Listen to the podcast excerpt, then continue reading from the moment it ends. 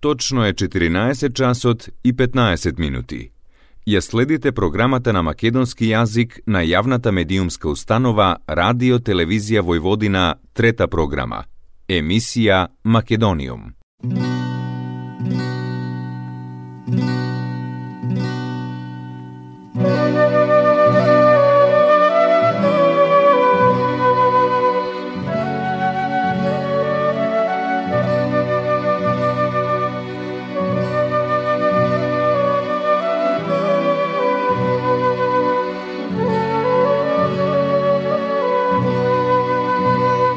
Македониум.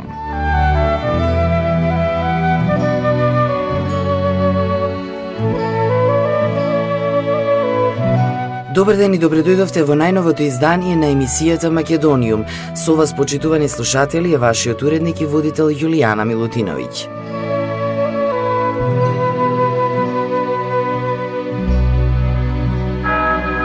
Македониум. Во рамките на шестата активна српско-македонска култура СРМА во Сомбор, во Србија се одржа македонска образовна недела во Западнобачкиот округ за македонската историја, јазик, книжевност и музика. Организатор на македонската образовна недела беше Сдруженијето на македонците од Западнобачкиот округ Пела, а беше финансиски поддржана како проект од страна на Српското министерство за човекови и малцински права. За време на тридневната образовна недела, македонците и србите од Сомбор Сомбор и овој регион во Србија имаа можност да се запознаат со македонската историја, книжевност, музика, преку предавањата на македонски и српски предавачи и професори, меѓу кои и професор доктор Желко Милановиќ од Филозофскиот факултет во Нови Сад, поранешниот председател на Сојузот на писателите на Србија Радомир Андрич, македонскиот новинар и историчар Оливер Бранковиќ, музикологот магистер Мирјана Соколова Ѓокиќ, писателот Виктор Шекеровски и други. Беа емитувани и документарно играни филмови од македонската историја, поставена беше изложба на винјети и карикатури на познати српски и македонски личности, беа промовирани збирките песни на писателот Виктор Шекеровски и Душица Илин, академик Рајко Игиќ од Сомбор, а присутните можеа да слушнат македонска етномузика и да се запознаат со големината на делото на Крсте Петков Мисирков.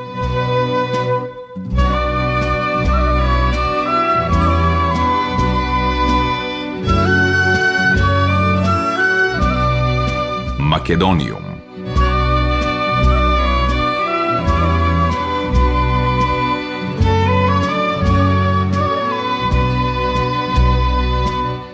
Српската влада на последната седница донесе одлука за давање согласност за отворање конзулат на Република Северна Македонија во Република Србија. Одлуката е објавена во службен весник на Република Србија. Седиштето на конзулатот на Република Северна Македонија ќе биде во Чаетина. Се дава согласност за отворање на конзулат на Република Северна Македонија во Република Србија, на чело со почесен конзул со седиште во Чаетина и конзуларна област што ја опфаќа територијата на административната област на Златиборскиот управен округ, се наведува во одлуката на српската влада.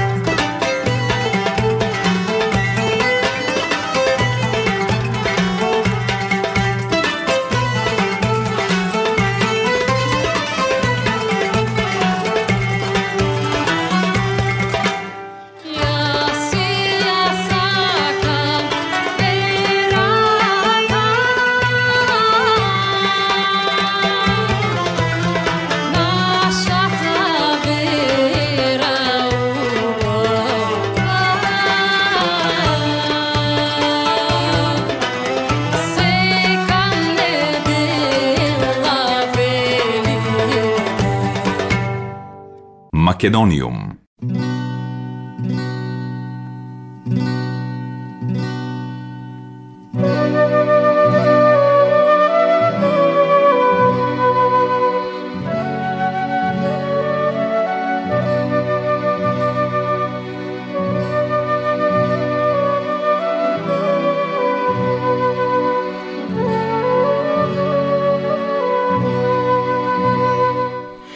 Друштвото на ликовни уметници на Македонија одбележува голем и значаен јубилеј 75 години од основањето и постоењето на друштвото. По тој повод денеска во два објекти на Националната галерија, чифте Амам и Мала станица во Скопје, ќе биде отворена голема јубилејна изложба на членови на друштвото од неговото основање до денес. На изложбата ќе биде представен богат творечки опус, слики, скулптури, графики, цртежи, инсталации, таписерии од 292 автори, по почнувајќи од основоположниците на Друштвото на ликовните уметници на Македонија, преку истакнати доајени што го трасирале патот и оставиле силен белег во современата ликовна сцена, потоа средната генерација истакнати ликовни автори, се до новата генерација која ја представува и днината на друштвото. Изложбата се реализира во соработка со Националната галерија и во двата објекти ќе може да се посети од 1 до 12 декември оваа година, како своевидна најава на јубилејната изложба под покровителство на град Скопје во уметничкиот центар Арт Хаб во градскиот трговски центар во Скопје од 12 до 22 ноември Друштвото на ликовните уметници на Македонија ја реализираше изложбата Нови енергии.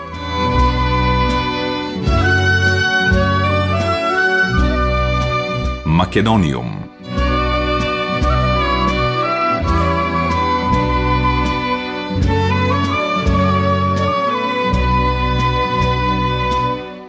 Во саботата се одбележа третата годишнина од заминувањето на најзначајниот современ македонски драмски писател Горан Стефановски. Во тој повод е објавена монографијата Горан во драмски за неговите текстови, драмски текстови премиерно поставени во драмски театар од Александра Бошковска. Станува збор за комплексна монографија со 14 поглавја детално посветени на неговите представи во драмски, додека за целото творештво на Горан Стефановски, професор, академик, писател на сценарија, книга. Потребно е дополнителна обработка. Чест за мене да ја изработам оваа книга. Беше некако логично од драмски да произлезе некаков белег за творештвото на Горан Стефановски, каде што се поставувани неговите дела, не само пред премиерно, туку и праизведбено. Некогаш ги пишувал специјално нарачани за репертуарот на драмски. Горан има околу 30 драми, во драмски имаше 14 премиери, два текста се два пати поставувани, Диво месо 79-тата со Унковски и 2001-та со Александар Поповски, потоа и тетовирани души со Паоло Маджели, вели авторката на монографијата Горан во драмски Александра Бошковска, драматург во драмскиот театар во Скопје. Професорката Елизабета Шелева пак се осврна на културолошкиот аспект на делото на Горан Стефановски. Тој е значаен како драмски автор, есеист кој не ги заобиколуваше најважните прашања, по теклото и припадноста се провлекуваат во неговите драми, а тоа најинтензивно е представено во Диво месо, драмата од 78-та. Поклоништво, желба да се биде некој друг, да се биде посличен на Западот, отколку на Балканот, рече професор Шелева. Таа исто така се осврнува и на пристапната беседа на Стефановски кон Ману од 2004 година, насловена за нашата приказна. Горан Стефановски говореше за идентитетските прашања, а знаеме дека тоа денеска е едно клучно прашање и дури флоскула не само во нашиот културен контекст, туку и во секојдневниот јавен дискурс. Горан Стефановски одбиваше на тие дилеми и прашања да одговара механички, еднолично, упростено на идентитетските прашања. Мора да се има предвид дека Стефановски беше беше човек на две и повеќе култури, два јазици, две и повеќе книжевности, две и повеќе татковини, 25 години помина во Британија, а едно време работеше и во Шведска, нагласи професор Шелева. Таа смета дека проучувањето на Горан Стефановски не треба да се сведе како проучување на некој монумент од минатото, туку да го изнесе на виделина колку може поавтентично она што тој го наведуваше како наш патоказ кон иднината, без некаква еднонасочна, не само бендисана и не само осудувачка практика на себевидување. Авторката Бошковска рече дека целта на монографијата е зачувување на еден тип на уметност кој што е прилично непостоечки.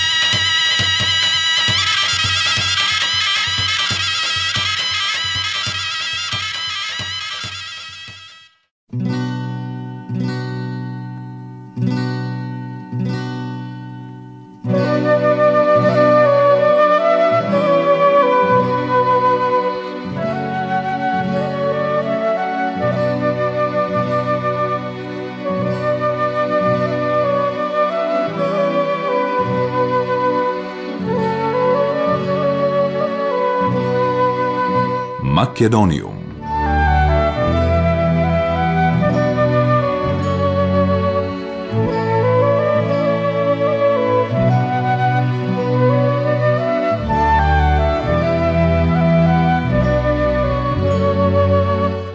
Благојче Павлески, ученик од Прилеп е добитник на првиот златен медал за македонски учесник на Балканската олимпијада по информатика во историјата. Тој е ученик во четврта година во училиштето Јахја Кемел во Скопје.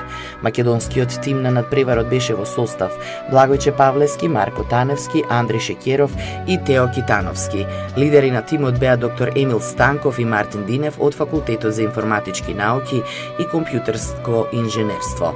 Средношколците успеа да освојат еден златен и еден сребрен медал и една олимписка пофалба.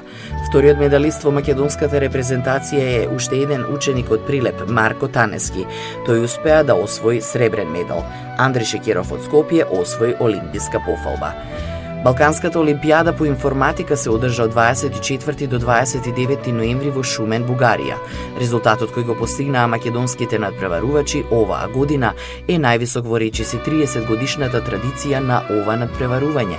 Покрај турнирот за средношколци, надпреварот имаше и дел за јуниори. На надпреварот за јуниори Сара Стефановска, ученичка од Крива Паланка, освои бронзен медал. Поради пандемијата оваа година надпреварите се одржаа онлайн, на настанот учествува учествуваа 37 најдобри средношколци во областа на компјутерските науки.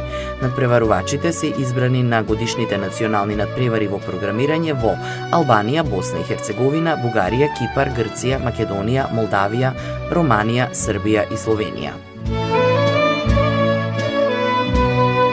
Македониум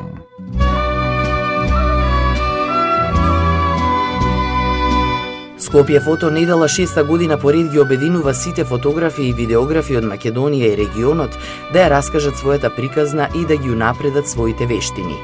Денеска и утре повторно виртуелно. Предавачи за време на дводневниот настан ќе бидат Владо Ѓоргиев, Орце Поповски, Душан Кардалевски и Ани од фотографското дуо Ани и Дими. Имате директна можност да учите од најдобрите фотографии и уметници од своите полиња на дејствување и да дознаете кои се новите техники на работа, но и да ги подобрите постоечките. Разменуваме искуства, прошируваме познанства и градиме нови пријателства. За време на видеосесиите кои ќе бидат достапни на нивната Facebook страница, ќе имате можност за поставување на своји прашања кои ќе ви бидат одговорени од предавачите. Скопје е град познат по својата разноличност, шарелноликост разноликост и град на контрасти. Огромен број фотографии се случуваат секој ден на неговите улици и во неговите паркови, мемории уловени во дигитален формат. Тие раскажуваат приказната за душата на градот и луѓето кои живеат во него, велат организаторите. Скопје фотонедела е шести поред настан во организација на Енгеловски фотографија и Грег Момент од Полска, кој се одржува традиционално секоја година.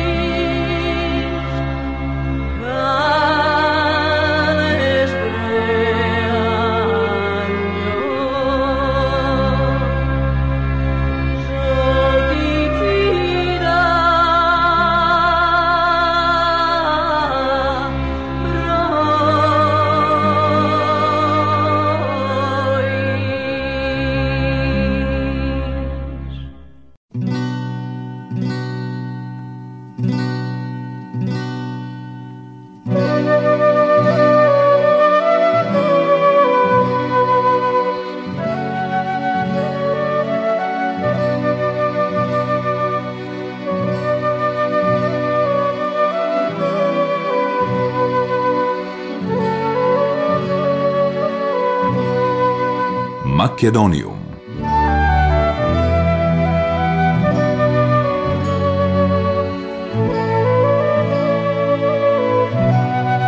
Почитувани слушатели, тоа беше се во денешниот Македониум. Поздрав од вашиот уредник и водител Јулијана Милутиновиќ. Повторно ќе бидам заедно со вас следната среда во исто време.